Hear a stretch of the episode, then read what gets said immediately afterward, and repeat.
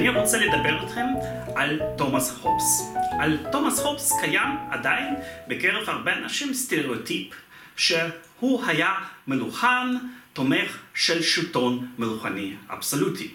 ואני רוצה לבדוק עד כמה שהסטריאוטיפ הזה הוא סטריאוטיפ נכון. עכשיו, אני חושב שהוא נכון בנקודה אחת, הוא נכון אה, במובן של פוליטיקה אישית של הובס בשנות ה-40 של המאה ה-17. בשנות ה-40 של המאה ה-17 מתרחשת באנגליה מלחמת האזרחים בין המלך צ'ארלס הראשון לפרלמנט. והופס ללא ספק תומך בצד של המלך. אלא גם כאשר הוא תומך במלך, הוא תומך בו יותר מאשר רוב תומכיו ויועציו. למעשה, רוב האנשים שנלחמו בעד המלך לא תמכו במלוכה אבסולוטית. הם חשבו שפרלמנט הלך יותר מדי רחוק, הפר את האיזונים החוקתיים במשטר, אה, במשטר האנגלי, והם רצו להחזיר את האיזונים האלה. אבל הם לא חשבו שהמלך יכול לשלוט באופן אבסולוטי, הם חשבו שהוא צריך להיות מוגבל על ידי עקרונות החוקתיים של אנגליה, על ידי הכנסייה האנגליקנית, ובמידה מסוימת גם על ידי הפרלמנט.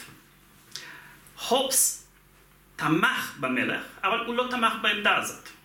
הוא תמך במלך כי הוא חשב שהפרלמנט הוא זה שאחראי על ערעור היציבות. דרך אגב, גם תומכי הפרלמנט אה, ברובם לא תמכו בשלטון האבסולוטי של הפרלמנט, הם גם האמינו בחוקה אה, מאוזנת שבה יש גם מקום מסוים למלך, ורובם גם רצו להגיע להסדר עם המלך. אבל הופס התנגד לעמדה הזאת. התפיסה הבסיסית שלו שצריך לתמוך במשטר הלגיטימי הקיים במדינה, וכל ניסיון לערער על סמכויות המשטר מערער את היציבות ומהווה מדרון חלקלק למלחמת האזרחים. ולכן בכל מדינה, אם קיים שם משטר רציף, צריך לתמוך באותו משטר. אם קיים משטר מלכני, אז צריך לתמוך, uh, לתמוך במלך, כמו שהוא האמין קיים באנגליה. ואם קיים משטר רפובליקני, צריך uh, לתמוך ברפובליקה. כאשר הוא היה צעיר בשנות ה-30 לחייו, הוא טייל באיטליה עם פטרונו, הרוזן מדבונשר, הרוזן השני מדבונשר, והם ביקרו בוונציה, ובוונציה הופס מאוד התרשם מהמשטר uh, הרפובליקני השורר שם, והוא בהחלט חשב שזה משטר לגיטימי. אבל הוא גם חשב שכל משטר במציאות, או כל משטר יציב במציאות, אפשר תמיד למצוא בו איזושהי סמכות עליונה, איזשהו מוקד אולטימטיבי של כל ההכרעות. והסמכות האולטימטיבית הזאת היא סמכות ריבונית.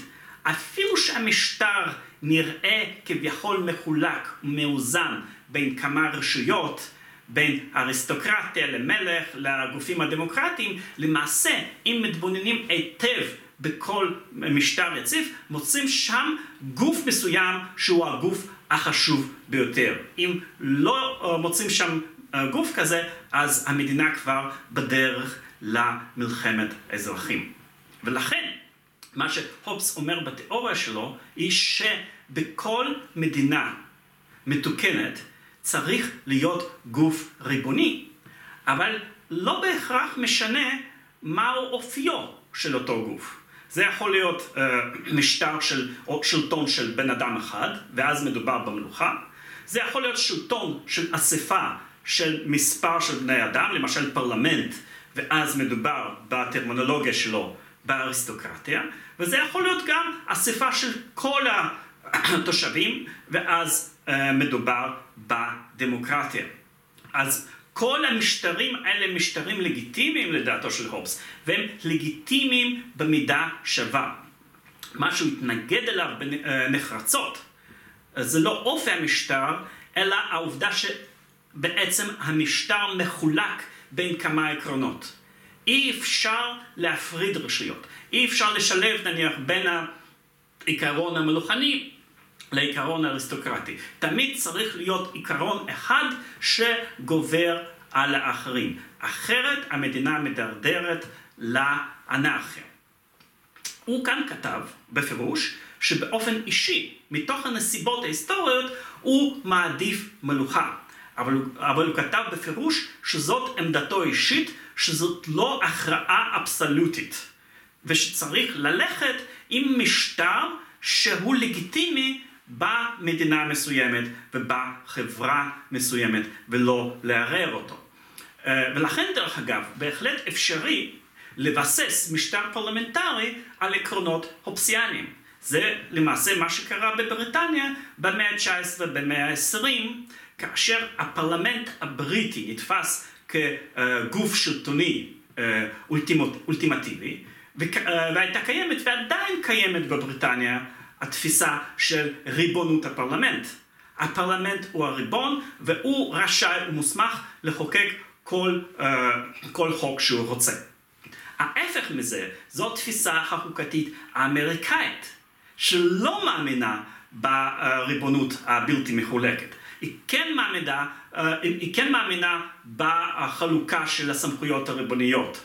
אה, בין, בין נשיא לבתים של הקונגרס, למדינות במבנה הפדרלי.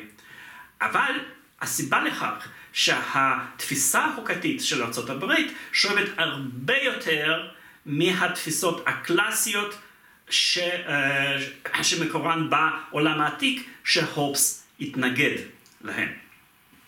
אז התיאוריה הפוליטית של הופס היא לא תיאוריה של מלוכה, היא תיאוריה של ריבונות uh, שיכולה להיות, uh, להתייחס ולהיות רלוונטית סוגים שונים של משטר, וזאת התפיסה שהפכה לתפיסה בולטת בתודעה הפוליטית האירופאית לעומת התודעה הפוליטית האמריקאית. אבל עכשיו, עוד לכמה דקות נחזור להופס עצמו. כאשר הופס כתב את הספר שלו, לוויתן. הוא כתב אותו ב-1651, כשהוא היה בגלות בפריז, והיה מקושר לחוגים של הבן הגולה של המלך צ'ארלס הראשון, שאז כבר הוצא להורג. והיום חושבים על לוויתן כאילו שזה ספר שבא uh, לתמוך בטענות של המלך, אבל זה לא נכון, והחוקרים כבר uh, יודעים היטב שזה לא נכון. כאשר הופס כתב את לוויתן, הוא בעצם כתב גט אה, כריתות שלו מחצר המלך הגולה בפריז. הסביבה של המלך קראה את הספר והזדעזעה ממנו. אה, חלק מהסיבות היא איך שהוא התייחס לדת בלוויתן, הוא אמר שם דברים שהעליבו מאוד אה, את אנשי הכנסייה האנגליקנית. אבל הייתה עוד סיבה. מה שהופס טען בלוויתן, הוא שבעצם אם הריבון לא מסוגל להגן על חיי אזרח, לתת לו הגנה, אז חובת הציות לריבון נגמרת. ומותר להמיר את הנאמנות לטובת ריבון אחר שכן יוכל להגן עליו. למה זה קשור? זה קשור לעובדה שמ-1649 נוצר באנגליה שלטון של קבוצה מסוימת בתוך הפרלמנט האנגלי, מה שנקרא הפרלמנט המקוטע, ששלט באנגליה באותן שנים ביד רמה, הוא הוציא להורג את המלך והכריז על ממשל מעין רפובליקני. וה, והשלטון הזה הציע לאלה שנלחמו למען המלך במלחמת אזרחים, לחתום על, על הצהרת נאמנות ולקבל את הזכויות שלהם בחזרה על הרכוש, על הקרקע. והיו שנשארו נאמנים למלך ולא הצהירו על נאמנות, חלקם היו בגלות, בצרפת למשל, אבל חלקם כן הגיעו להסדר עם הממשל החדש. ואפשר לראות את הספר של הופס, לוויתן, כהצדקה תיאורטית בעצם להשלמה עם הממשל הרפובליקני. ואז ב-1651 יוצא הספר הזה, מסלקים את uh, הופס מחצר המלך בפריז, הוא נוטל את חפציו וחוזר לאנגליה, הוא מגיע לאנגליה בינואר 1652, מצהיר בפני השלטונות שהוא חזר, חותם על כל המסמכים שהוא היה צריך לחתום, והולך לביתו. ודרך אגב, דווקא תחת השלטון הרפובליקני ואחר כך השלטון של קרומבל, הופס מרגיש את עצמו הרבה יותר בטוח. אחרי שמלוכה חוזרת לאנגליה ב-1660, אה, מצב הרוח של הופס קצת אה, מדרדר, כי הוא כל הזמן מפחד שהכנסייה האנגלית תעמיד אותו לדין על הכפירה. מתברר שדווקא השנים הרפובליקניות באנגליה היו השנים השקטות ביותר עבור הופס. thank you